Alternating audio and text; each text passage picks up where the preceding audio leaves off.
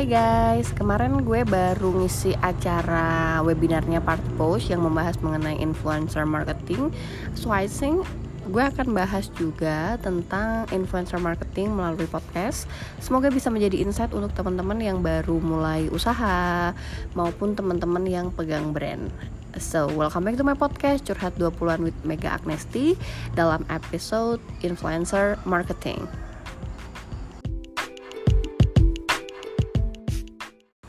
Influencer marketing adalah salah satu activity dalam marketing dengan tujuan untuk meningkatkan awareness brand atau bisa juga untuk memperkenalkan produk, untuk meningkatkan demand dari brand tersebut atau produk tersebut dan bisa juga digunakan sebagai activity yang bisa lead to sales conversion atau pada akhirnya jualan. But then again ya, influencer marketing it's not only about sales itself, tapi juga gimana caranya kita sebagai brand memiliki perpanjangan tangan yang uh, diwakili oleh influencer itu tadi supaya mereka juga bisa mendeliver message yang ingin kita sampaikan ke audiens. Bisa juga uh, memberikan informasi mengenai produk secara lebih detail ataupun memberikan review terhadap produk maupun jasa yang kita jual atau kita sediakan. So influencer itu sendiri kan sebenarnya adalah orang biasa ya yang uh, bisa berasal dari kalangan yang quite popular in their peers, tapi bisa juga sebagai seorang selebriti. Intinya yang namanya influencer, they should influence people around them. Jadi kuncinya adalah influence atau dia bisa mempengaruhi, dia bisa memberikan uh, narasi ataupun persuasi kepada audiensnya supaya bisa lebih memahami produk yang brand jual atau juga bisa memahami message yang brand ingin deliver kepada uh, audience tersebut. So, ya, yeah, bisa dibilang influencer marketing ini memiliki tugas untuk represent your brand, represent your business sehingga memang harus sangat berhati-hati dalam memilih influencer karena influencer ini merupakan um, apa ya bisa dibilang kayak representasi dari brand kalian gitu. Sehingga milihnya pun harus bisa um, dengan image yang sejalan dengan brand yang kalian jual membicarakan influencer marketing itu tentu saja mulai berkembang saat sosial media juga berkembang. Kalau dulu kita ngomongin pihak yang bisa menginfluence orang, biasanya itu adalah media atau artis slash celebrities. Jadi kalau media eh, teman-teman yang udah pernah bekerja di bidang marketing communication ataupun advertising and promotion pasti paham lah ya yang namanya media itu bisa menjadi apa ya role model audience pada masa jaya-jayanya mereka gitu. Kalau kita mau lihat uh, baju atau style, kita tinggal lihat majalah bilang apa, terus ya udah kita bisa ngikutin gayanya. Atau misalnya majalah gadget atau majalah uh, otomotif gitu atau majalah keuangan, banyak sekali orang yang look up to media supaya mendapatkan dalam tanda kutip arahan hidup gitu. Nah, ketika sosial media ber, makin berkembang, tentu saja tren ini pun bergeser gitu. Kalau dulu media-media besar yang menjadi role model, sekarang siapa pun bisa menjadi media. Siapa pun sekarang udah bisa menjadi um, advokat dari brand kalian kalau dulu orang lebih suka menggunakan selebritis ya karena memang the only persona yang kita kenal secara luas at that time adalah selebritis gitu sehingga awal-awal uh, memulai yang namanya influencer marketing itu tetap yang brand lirik adalah selebritis. Dulu kan kalau ngomongin sosial media itu berawal dari ini kalau yang sosial media yang udah ke arah bisnis ya bukan sosial media dari zaman Friendster gitu enggak. Tapi sosial media yang lebih ke arah bisnis. Ada Facebook, Instagram dan sekarang makin banyak lagi. Ada YouTube, ada TikTok dan ada macam-macam.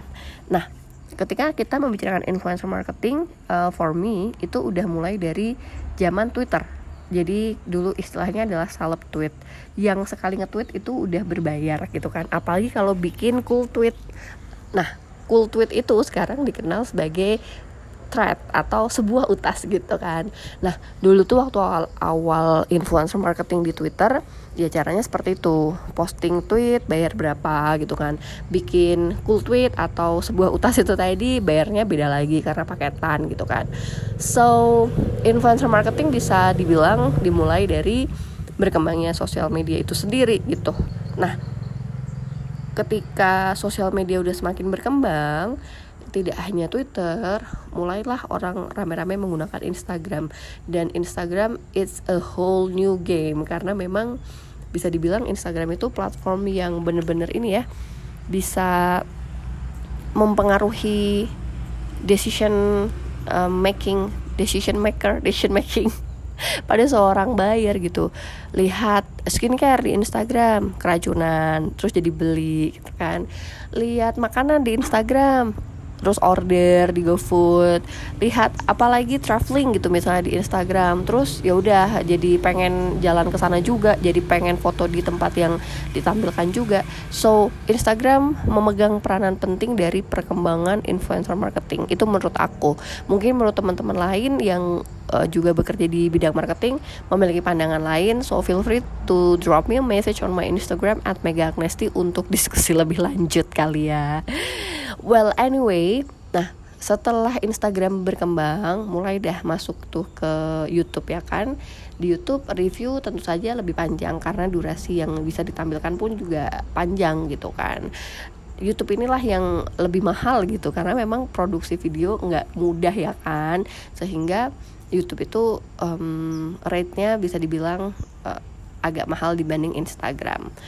Kemudian sekarang ada lagi TikTok di mana orang harus lebih kreatif lagi karena konten TikTok tuh sangat berbeda sekali dengan konten untuk Instagram gitu. TikTok tuh uh, gue bisa bilang sih kalau orang-orang yang menjadi salah TikTok itu bener-bener kreativitasnya tinggi banget sih karena mereka tuh harus bener-bener bikin konten tiap hari harus mikirin konten sekreatif mungkin. Sementara kalau di Instagram lebih kepada angle-angle foto yang kelihatan menarik. Uh, terus mungkin juga bisa dibilang kalau misalnya dia bikin review juga reviewnya lebih ke real review gitu, nggak dibikin yang aneh-aneh, uh, dikreasiin yang aneh-aneh kayak TikTok gitu kan. So ya, yeah, menurut gue begitulah perjalanan terkait influencer marketing dan juga platform sosial medianya itu sendiri.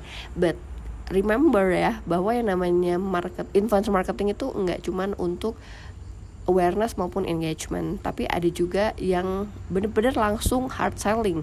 Nah biasanya kalau hard selling ini makin ke sini perkembangannya gue lihat nggak cuman di Instagram aja tapi mulai langsung ke marketplace. Jadi misalnya kayak Shopee kayak Tokopedia gitu. Gamenya pada beberapa brand itu agak sedikit berbeda sehingga memang ketika kita melakukan influencer marketing balik lagi nih ke objektif kalian tuh apa? Dari kegiatan ini tuh hasil akhirnya apa sih yang diharapkan? So first thing first kalau kalian pengen membuat yang namanya um, influencer marketing campaign kalian harus paham apa yang dibutuhkan oleh brand ataupun produk kalian. So um, well kita sekarang mulai ini ya ke teknis gimana sih caranya setup influencer marketing campaign.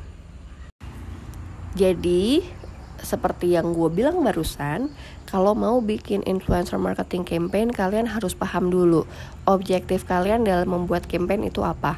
Apakah untuk awareness, apakah untuk engagement, apakah untuk sales conversion atau yang biasa kita sebut purchase intent.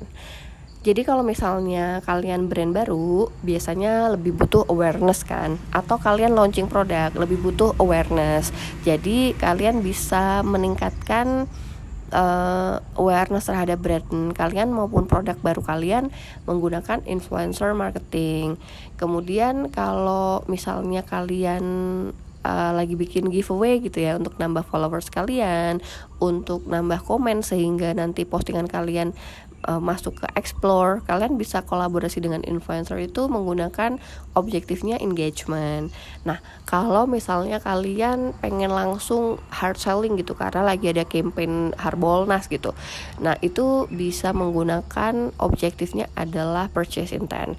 Karena kita itu harus bisa define campaign ini objektifnya apa, hasil akhir yang menjadi ekspektasi kalian apa, sehingga ketika kita menyampaikan brief kepada influencer itu bisa lebih clear, baik kalian mau menggunakan agency maupun uh, direct ke manajernya si KOL tersebut masih apa ya jadi nggak akan ada miss gitu karena dari kalian sendiri selaku brand owner maupun sebagai yang punya produk kalian tahu apa yang kalian mau objektifnya apa KPI-nya apa sehingga bisa memberikan clear brief kepada influencer tersebut Kedua, setelah kalian memahami tentang objektif, kalian harus paham juga tentang budgeting.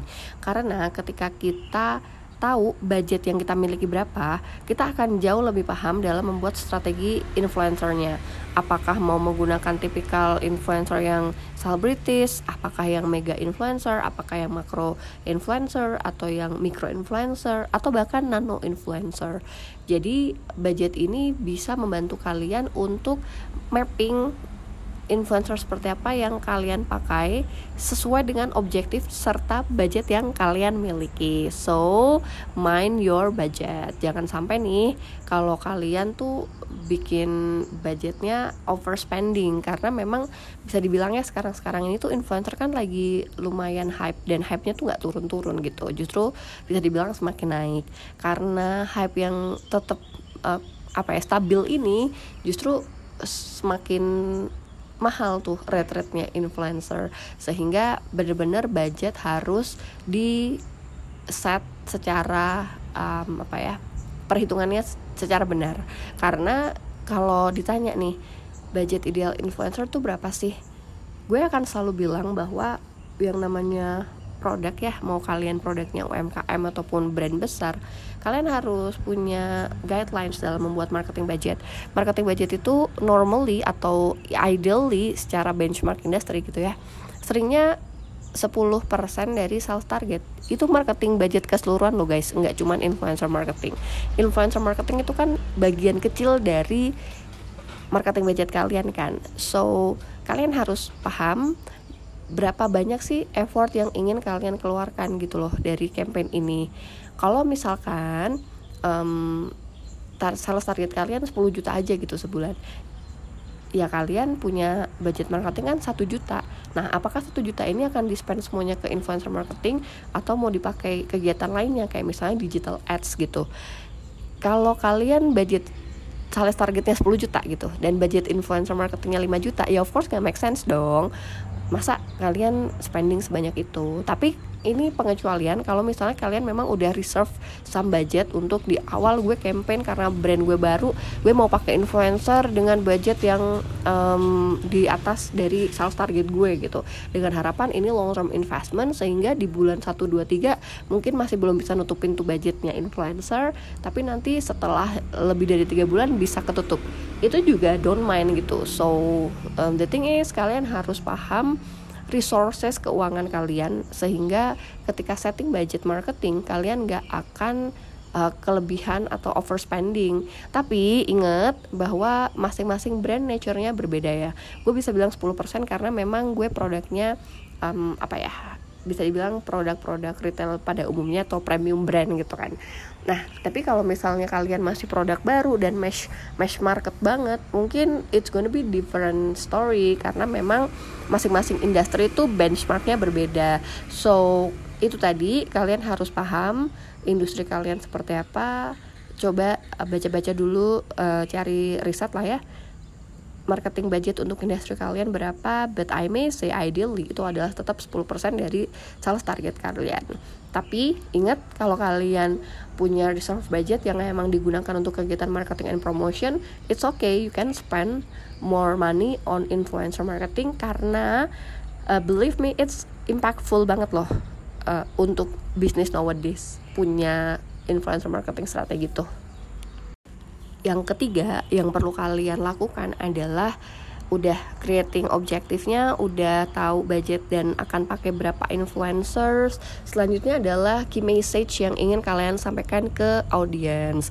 tadi gue udah bilang ada tiga typical objective campaign ada yang awareness engagement maupun purchase intent atau lead to sales conversion nah dari masing-masing objektif ini kalian harus uh, bisa membuat deliver uh, sorry harus bisa membuat key message yang akan di deliver kepada influencer dan pada akhirnya influencer ini akan menyampaikan kepada audiens kalian. Message-nya apakah memperkenalkan brand baru kalian memperkenalkan produk baru kalian mereview produk kalian atau mengajak orang-orang untuk membeli pada campaign tertentu. Atau bisa juga mengunjungi toko kalian. Atau misalnya datang ke event kalian. Ada banyak sekali gitu kan. Jadi mana nih yang pengen kalian uh, sampaikan melalui influencer itu? Dan ketika kalian udah tahu uh, kalian tinggal bikin deh brief yang clear untuk disampaikan kepada influencer sehingga nggak ada permasalahan. Misalnya kita ngomongin brand baru gitu ya. Um, let's say gue jualan sendal lah. Oke okay, ada sendal baru nih guys. Apakah local brand atau international brand? Kemudian um, kalian harus kasih mereka informasi juga kelebihan dari produk kalian tuh apa. Jadi unique selling pointnya tuh apa. Karena dengan menginfokan kepada influencer UPS USP kalian uh, si influencer ini akan lebih terbantu gitu. Dan kalaupun kalian punya produk knowledge yang spesifik kayak misalnya oh sendal ini terbuat dari bahan yang bikin kaki tuh nyaman banget dengan teknologi aerosol bla bla bla gitu. Nah itu juga bisa kalian sampaikan kepada influencer uh, specifically spe secara spesifik tentang produk tersebut. Tapi kalau misalnya um, kalian minta si influencer ini membuat honest review, kalian juga harus pastikan bahwa review yang dia tulis meskipun honest harus tetap positif. Jadi jangan kayak menggunakan negatif tone kayak misalnya tadi dia review produk serum kalian gitu. Mungkin uh, pada kulitnya dia yang lagi memiliki jerawat nggak terlalu berimbas tapi kan dia nggak bisa bilang bahwa produk ini tuh nggak cocok di gue gitu nah kalian bisa mengarahkan harus positif ya positifnya itu seperti apa sih kalian kasih contoh-contoh cara ngomongnya terus juga ketika membicarakan tentang brief kalian harus jelas terkait dengan guideline secara visual. Nah, visual ini tuh mau dibikin seperti apa sih? Kalian tuh harapannya yang ke foto jelas tuh kayak gimana atau yang ke videoin jelas tuh kayak gimana? Ada nggak detail-detail produk yang harus bener-bener dilihatkan? Uh, dan tone and mannernya maunya kayak apa gitu. Sehingga ketika menyiapkan brief untuk disampaikan kepada influencer harus sesuai dengan ekspektasi kalian di saat campaign itu berjalan dari sisi visual dan juga dari sisi caption. Yang keempat biasanya orang tuh masih agak bingung gimana cara menentukan influencer yang sesuai dengan brandnya dia. First thing first you know your brand. Jadi ketika kalian udah paham betul brand kalian seperti apa, kalian bisa mendefinisikan persona atau kepribadian influencer seperti apa yang sesuai dengan brand kalian. Misalnya brand kalian adalah uh, makanan yang berminyak atau dessert misalnya. Ya udah berarti kan kalian tinggal nyari influencer yang memang expert on reviewing dessert atau influencer yang memang suka makan. Bukan influencer yang lagi uh, ngejalanin atau mengkampanyekan vegan lifestyle atau bukan influencer yang lagi um, suka membahas mengenai berbagai macam diet kayak diet keto dan macam-macam gitu ya. Jadi kalian yang lebih paham gitu produk kalian itu representasinya seperti apa maka nyari influencernya pun yang harus sejalan dengan DNA brand kalian. Nah, ini tuh sangat tricky karena kadang brand itu ngincar sales lebih utama sebagai um, apa ya indikatornya gitu. Tapi ketika dia nyari orang yang benar-benar bisa jualan, kadang lupa sama brand image yang ingin ditampilkan. Sehingga ketika brand premium pengen jualan banget, akhirnya hire influencer yang agak-agak out of tone dari cara ngomong, dari cara uh, penyampaian di sosial media, itu justru hati-hati karena bisa merusak uh, citra dari brand kalian sehingga perlu untuk dipahami gitu. Tujuan utama kalian tuh apa? Jualan. Oke okay, jualan. Tapi bisa nggak carinya orang yang bisa jualan di kelasnya kalian bukan di kelas yang nggak kelasnya kalian gitu. Sehingga penting untuk menjaga yang namanya brand image meski kampanyenya adalah campaign untuk jualan. Nah, jaga brand image ini bisa dilihat dari cara pemilihan influencer serta gimana cara influencer tuh approach ke target audiensnya. Misalnya menggunakan caption-caption atau video yang emang sesuai kelasnya gitu, bukan bukan beda kelas karena kalau nanti kalian dapat influencer yang nggak terlalu representatif, justru itu bisa membuyarkan um, brand image yang sudah kalian bangun selama ini. So ya, yeah, sales I know it's important but jangan lupa tentang brand image yang harus ditampilkan. Nah, balik lagi ya tentang gimana cara memilih influencer yang sesuai dengan brand.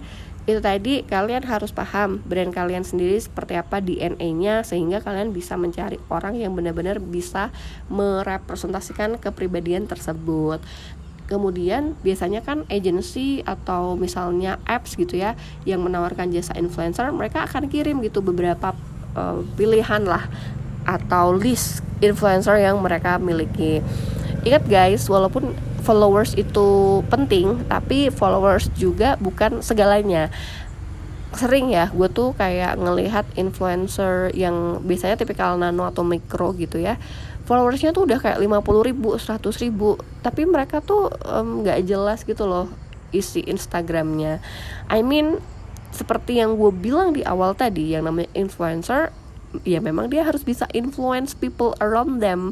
Jadi memang followers itu penting. Tapi kalian harus tahu followersnya tuh real apa enggak? Followersnya aktif atau enggak? Followersnya emang memiliki daya beli sesuai yang kalian inginkan atau tidak? Jadi bukan semata-mata followers aja. Sehingga uh, followers penting tapi kalian juga harus cek dan recheck page dari influencer tersebut. Kalian masuk ke Instagram page-nya lihat uh, gimana visual tone pada fitnya dia. Apakah sesuai dengan brand kalian? Apakah fotonya high res? Apakah tone colornya menarik? Apakah the way dia deliver message tentang produk yang dia iklankan tuh bagus gitu? Jadi nggak cuma ngelihat followers aja tapi lihat keseluruhan page Instagramnya dia. Menarik atau tidak? Atau misalnya nggak Instagram aja ya YouTube TikTok you name it.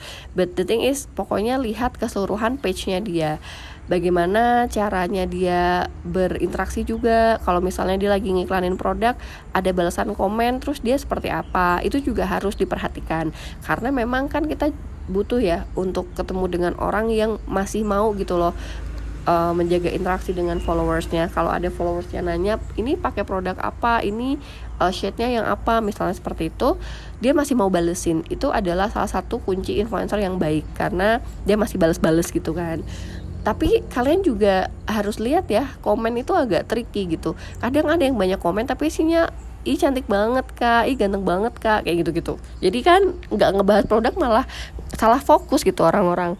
Belum lagi kadang banyak juga yang komentar-komentar palsu, but ya well kalau kayak gitu-gitu balik lagi ya ke diri kalian masing-masing gitu. Brand yang kalian handle tuh lagi butuh kayak apa. Jadi lihat juga kolom komen dan how mereka interact sama followersnya.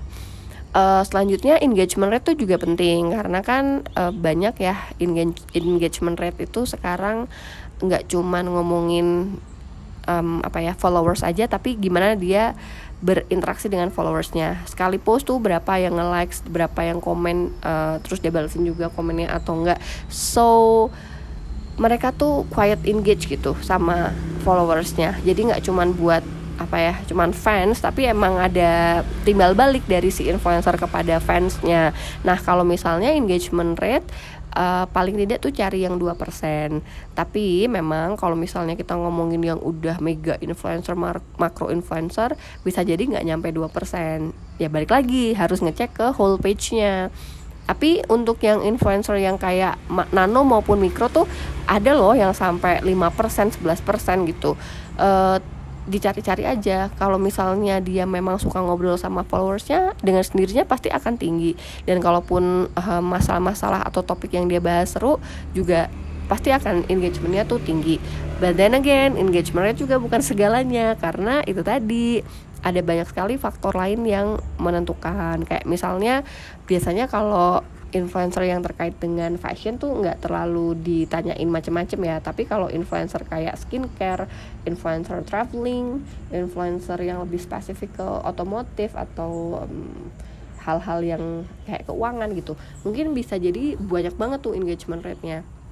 Tapi ya kayak fashion bisa jadi nggak setinggi itu gitu sehingga bisa dibilang ya followers engagement rate nggak segalanya. Cuman kalian harus look deeper into this influencer apakah dia benar-benar bisa menginfluence orang di sekitarnya dan apakah orang di sekitarnya itu memiliki daya beli seperti yang produk kalian jual. Kalau misalnya dia tipenya middle low produk kalian middle up ya nggak nyambung dong. Atau misalnya orang yang middle up dikasih sorry misalnya audience mereka middle up kalian kasih produk middle low kan nggak cocok. Kalau misalnya followersnya mereka middle low produk kalian middle up juga nggak akan nyambung gitu. So know your market. Dan influencer itu adalah kepanjangan tangan kalian sehingga pastikan audiensnya dia memiliki daya beli seperti yang kalian cari. Gitu sih kalau menurut gue. Ini pertanyaan yang sering masuk soalnya. Gimana cara memilih influencer sesuai kebutuhan brand jadi demikian, ada empat poin yang kalian bisa pakai untuk membuat atau setting influencer marketing. Yang pertama tahu objektifnya apa, yang kedua tahu budgetnya berapa, yang ketiga uh, tahu key message yang mau di delivery seperti apa sehingga dalam membuat brief itu juga lebih clear dan yang keempat adalah tahu bagaimana cara memilih influencer sesuai brand kalian. Nah, selanjutnya pertanyaan yang sering muncul adalah bagaimana cara membuat kombinasi influencer. Karena kan kalau ngomongin influencer, uh, kita nggak cuman ngomongin orang yang kita inginkan aja, tapi ada terkait dengan budget dan juga terkait dengan rate yang mereka kasih.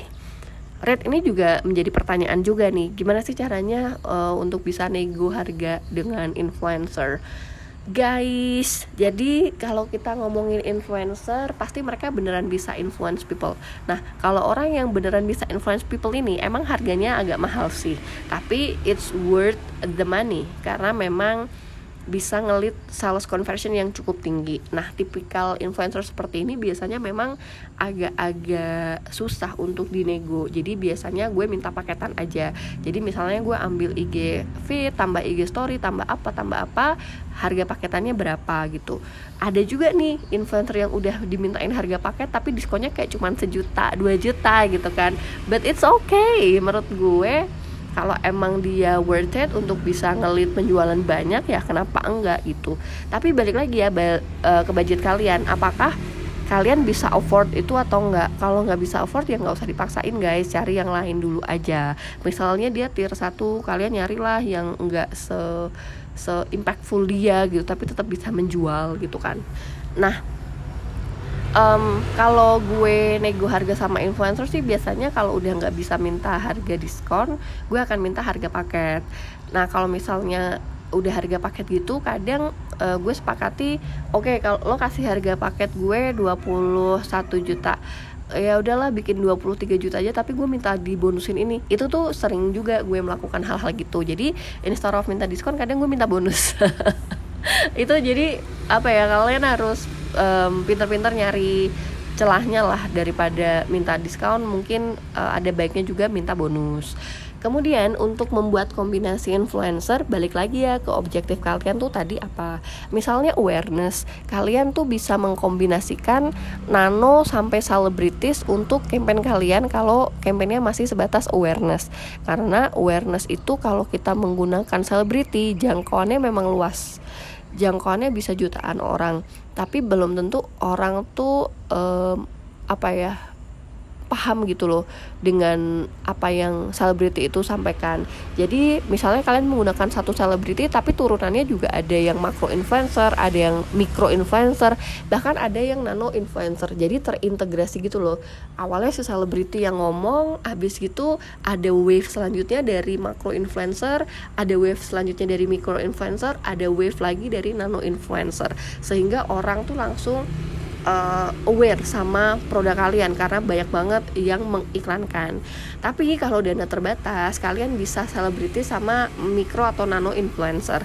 Karena memang kalau ngomongin brand awareness ya selebriti itu masih menjadi tolak ukur gitu. Dan selebritinya juga harus menyesuaikan dengan brand kalian ya. Gue pernah nih handle brand yang niche banget selebritinya pun udah gue pilihin sesuai yang uh, pasarnya dia gitu. Yang represent dari brandnya dia misalnya vegan gitu kan. Itu kan niche market banget kan. Dan memang yang vegan ya selebriti masih bisa dihitung juga. Nah tapi even if the celebrity do the vegan thing belum tentu akan langsung bisa aware secara keseluruhan gitu. Karena selebriti ini dihitung baru satu aja dan satu satu post aja lagi ya kan? Jadi nggak bisa langsung impactful. Maka kalian harus tetap combining satu selebriti ini sebagai brand image-nya tapi harus ada ditunjang sama influencer-influencer lain yang juga menggemakan dari brand kalian sehingga awarenessnya nanti bisa lebih luas lagi. Dan juga waktu itu gue sempat hire juga nano influencer karena memang uh, supaya orang-orang dalam skala kecil paham gitu loh tentang brand ini gue pasti akan selalu um, apa ya request untuk ada selebriti terus eh, turunan turunannya tuh ada beberapa. Tapi kalau misalnya emang nggak bisa selebriti you cannot afford selebriti nggak apa kok. Kalau cuma pakai makro mikro nano atau makro sama mikro aja. Paling enggak harus ada satu orang dengan impression yang banyak karena memang itu tadi brand lu adalah objektifnya awareness. Sehingga kalau awareness biasanya yang harus kalian perhatikan adalah number of impression. Berapa banyak orang yang dijangkau. Number of search. Berapa banyak visitor yang di, ingin dicapai gitu. So ya balik lagi ke objektifnya kalian tuh apa.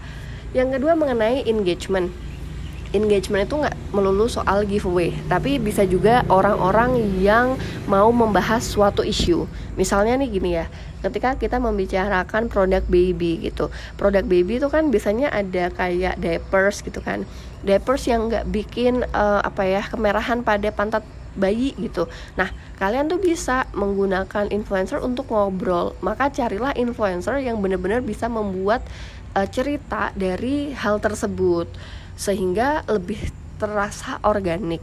Nah, ketika kalian mencari influencer seperti ini tentu saja nggak bisa didukung dengan selebritis kan karena selebritis jarang yang bales-balesin uh, komen-komen dari fansnya kalian mungkin bisa mencari yang tipikal makro influencer atau mikro influencer yang masih ngobrol itu bisa dibikin di story, bisa juga dibikin di feed gitu kan. Uh, sehingga kalau kalian pengennya engagement, orang ngebahas isu tertentu, carilah influencer yang benar-benar uh, engagement rate-nya tinggi dan care dengan followersnya dan dia juga bisa uh, membuat storytelling yang menarik sehingga orang-orang tuh mau gitu loh untuk komen. Nah ini bedanya selebriti dengan beauty beauty kan? Gara-gara gue pegang-pegang pegang produknya beauty guys.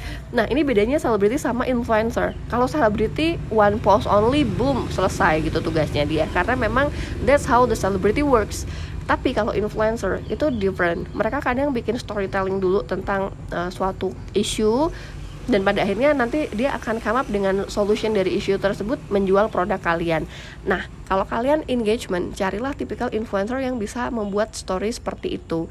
Sehingga akhirnya uh, objektif kalian untuk bisa memviralkan suatu isu bisa dicapai melalui tipikal influencer tersebut ada lagi nih tipenya yang uh, purchase intent. Jadi orang tuh mau belanja atau mau beli produk atau misalnya mau datang ke suatu acara gitu. Nah ini cari influencer yang benar-benar punya masa gitu kan.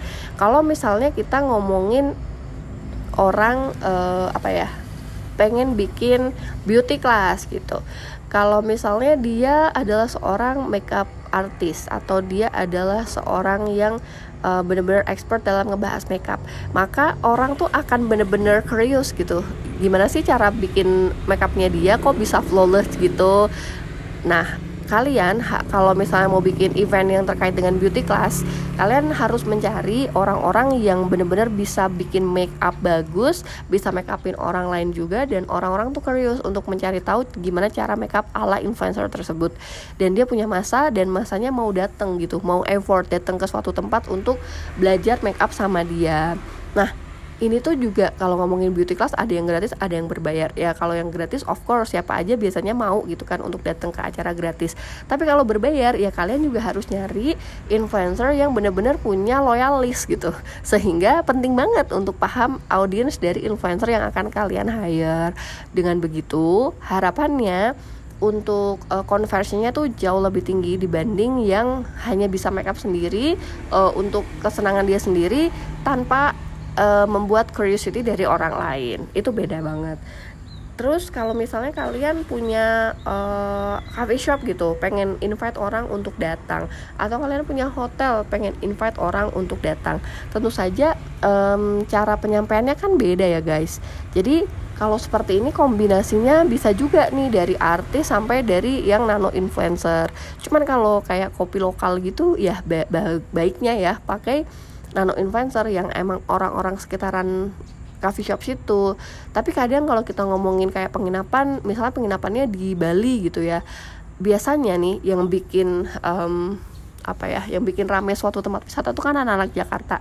Ya udah kalian harus nyari influencer yang emang secara presence dia di Jakarta tuh quite popular supaya mereka mau datang ke uh, hotel kalian atau kalau misalnya emang hotel kalian sudah menjual ya nggak perlu nggak perlu influencer yang uh, apa mahal banget gitu nggak bisa juga pakai media lokal atau misalnya pakai media travel untuk uh, mengiklankan produk kalian. Tapi kalau misalnya kalian pengen pakai influencer traveling yang bener-bener terkenal gitu, pastiin dia juga punya tipikal audience yang sama. Misalnya hotel kalian hotel untuk backpacker, ya jangan kalian invite yang tipikal influencer sukanya nginep di hotel mewah gitu kan.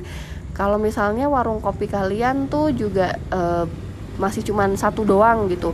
Gak bisa menjangkau banyak orang. Ya udah nggak apa-apa. Pakai micro influencer atau nano influencer. So balik lagi ini tuh kaitannya antara brand kalian dengan audiens kalian gitu. Dan influencer ini kan sebagai penghubung. Carilah penghubung yang benar-benar bisa menyampaikan pesan kalian dan bisa mengajak orang untuk berkunjung ke tempat kalian. Mau itu yang nano mau itu yang mikro mau itu yang makro mau itu selebritis tergantung kebutuhan kalian. So the only thing that understand your brand is you yourself gitu. Sehingga penting untuk kalian paham uh, brand kalian kayak apa audiensnya mereka audiens kalian kayak apa uh, siapa role modelnya audiens kalian, siapa orang yang berinteraksi dengan audiens kalian dan berinteraksinya di mana. Maka dengan itu kalian bisa lebih mudah untuk memahami cari tipikal influencernya seperti apa. Terakhir nih, ini pertanyaan yang sering banget masuk juga.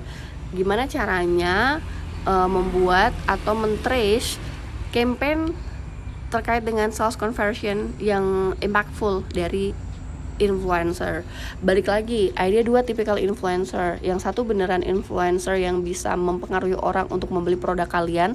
Jadi meskipun kalian cuman baru dibuatin story oleh influencer tersebut followers nambah penjualan nambah terus dia bikin activity lain kayak uh, foto, video atau live, nanti akan semakin bertambah lagi gitu. Apalagi offline event gitu kan, mungkin akan lebih rame lagi. So influencer tipikal seperti ini enaknya tuh dibikinin uh, campaign yang dedicated untuk dia. Jadi misalnya ada satu minggu, ya udah kita satu minggu bener-bener reserve uh, sales program untuk support activity sama dia.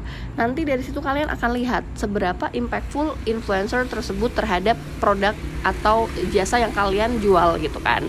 Nah, beda lagi nih kalau misalnya tipikalnya kalian mau pakai yang influencer mikro, belum se-impactful yang pertama tadi.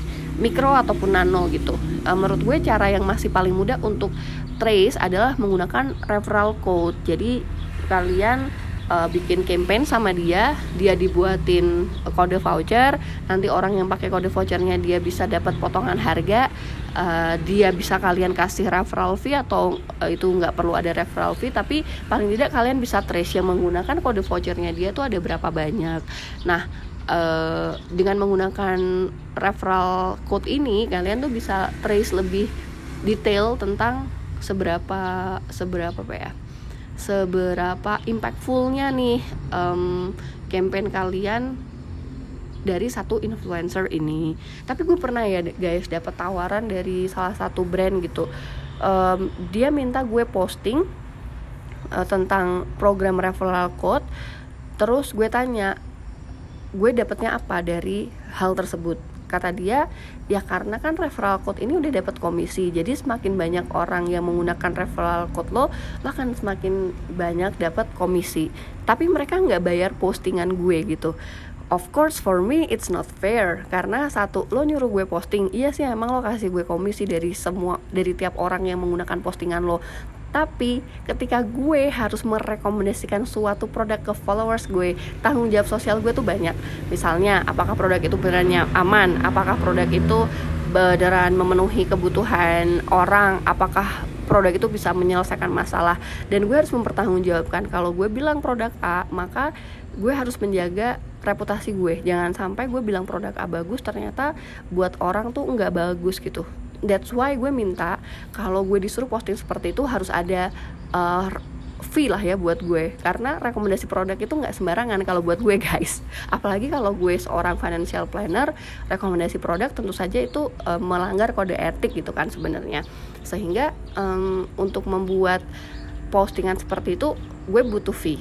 Tapi kalau cuma dapat komisi aja of course gue nggak mau dan pada akhirnya gue tolak walaupun emang relationship gue udah sangat baik ya dengan si uh, PIC dari brand ini but the thing is ada harga yang harus lo bayar ketika gue harus membuat rekomendasi produk kepada orang lain. Nah, mungkin tapi kasusnya berbeda dengan teman-teman lain yang uh, jualannya misalnya barang fashion gitu. Barang fashion kan uh, apa namanya biasanya tuh memang banyak lah ya beauty dan sama fashion gitu. Referral code tuh emang banyak. Jadi misalnya lo kasih referral code ke KOL nanti KOL-nya akan menyampaikan referral code itu ke audiensnya dan setiap kali audiensnya pakai si orang tersebut akan mendapatkan komisi. Iya itu menarik untuk beberapa KOL nano ataupun misalnya mikro gitu ya. Tapi itu nggak akan menarik ketika lo nggak kasih insentif gitu ke orang tersebut di awal. Karena kan itu tadi ya untuk merekomendasikan suatu produk itu tuh effortnya besar tanggung jawab sosialnya besar. That's why uh, fee-nya juga ada gitu. Insentif di awal tuh juga ada. Nggak bisa cuma kasih komisi-komisi aja tapi tanpa ada uh, insentif di awal. Menurut gue seperti itu. Unless memang unless kalau misalnya kalian bukan menggunakan influencer ya kalian menggunakannya orang biasa yang emang suka jualan itu akan berbeda lagi. So um, lately kan emang lagi musim ya yang namanya reseller reseller gitu. Nah itu gamesnya sih beda banget sama influencer dan hmm, kalau misalnya memang kalian pengen trace voucher eh sorry kalian pengen trace penjualan kalau menggunakan referral code itu bisa banget sangat impactful. Tapi perlu diingat bahwa kalian harus tetap memberikan insentif di awal supaya orang tuh tertarik untuk memasarkan produk kalian ataupun e-commerce kalian atau jasa kalian. Uh, ya well jangan terlalu apa ya jangan terlalu tight juga terhadap budget karena kadang tuh orang suka ngiklanin produk kita karena emang dia suka sama produk tersebut dia merasakan benefitnya tetapi juga untuk merekomendasikan tuh butuh butuh hal lain gitu. Karena rekomendasi tuh menurut gue tanggung jawabnya gede guys. Jadi nggak bisa asal main rekomen rekomen aja. Uh, ya yeah, that's my two cents sih. Karena gue juga pernah ditawarin untuk uh, promote produk gitu. Cuman kalau misalnya produk-produk keuangan gue harus hati-hati mengingat gue kan juga financial planner. So well secara kode etik gue juga harus taat supaya nggak melanggar aturan. Tapi kan kalau misalnya emang gue suka sama produknya dan gue mem membuktikan bahwa produk ini solve my problem so I will voluntarily tell my audience kok kalau produk ini tuh bagus. Dan tapi gue bukan tipe orang yang suka memberikan referral code karena I don't know gue bukan tipe orang yang seperti itu aja. Makanya kalau yang kayak gitu biasanya nano influencer yang lebih impactful karena mereka emang suka aja tuh berbagi. Karena menurut mereka adalah sharing is caring. Sehingga uh, menggunakan referral code itu bisa turut serta meningkatkan penjualan kalian apalagi misalnya lagi di masa-masa Harbolnas. Um, well guys itu my tusan sih soal um, sales conversion campaign. Yang pertama tadi kalau misalnya kalian menggunakan influencer yang benar-benar impactful dedikasikan satu satu periode untuk dia saja sehingga kalian bisa mengukur seberapa besar um, penjualan yang dihasilkan dari dia kalau misalnya offline sales juga gitu kalian harus dedikasikan satu hari atau satu periode lah untuk dia jualan sehingga kalian bisa lihat benar-benar impactful nggak tuh uh, menggunakan influencer ini. Dan kalau misalnya pakai yang tipikal nano atau micro influencer kalian bisa menggunakan referral code sehingga bisa di trace berapa banyak penjualan atau akuisisi yang terjadi dari referral code tersebut. Gitu udah cukup jelas ya mudah-mudahan dan bisa memberikan kalian gambaran tentang uh, influencer marketing strategi untuk pengembangan bisnis kalian.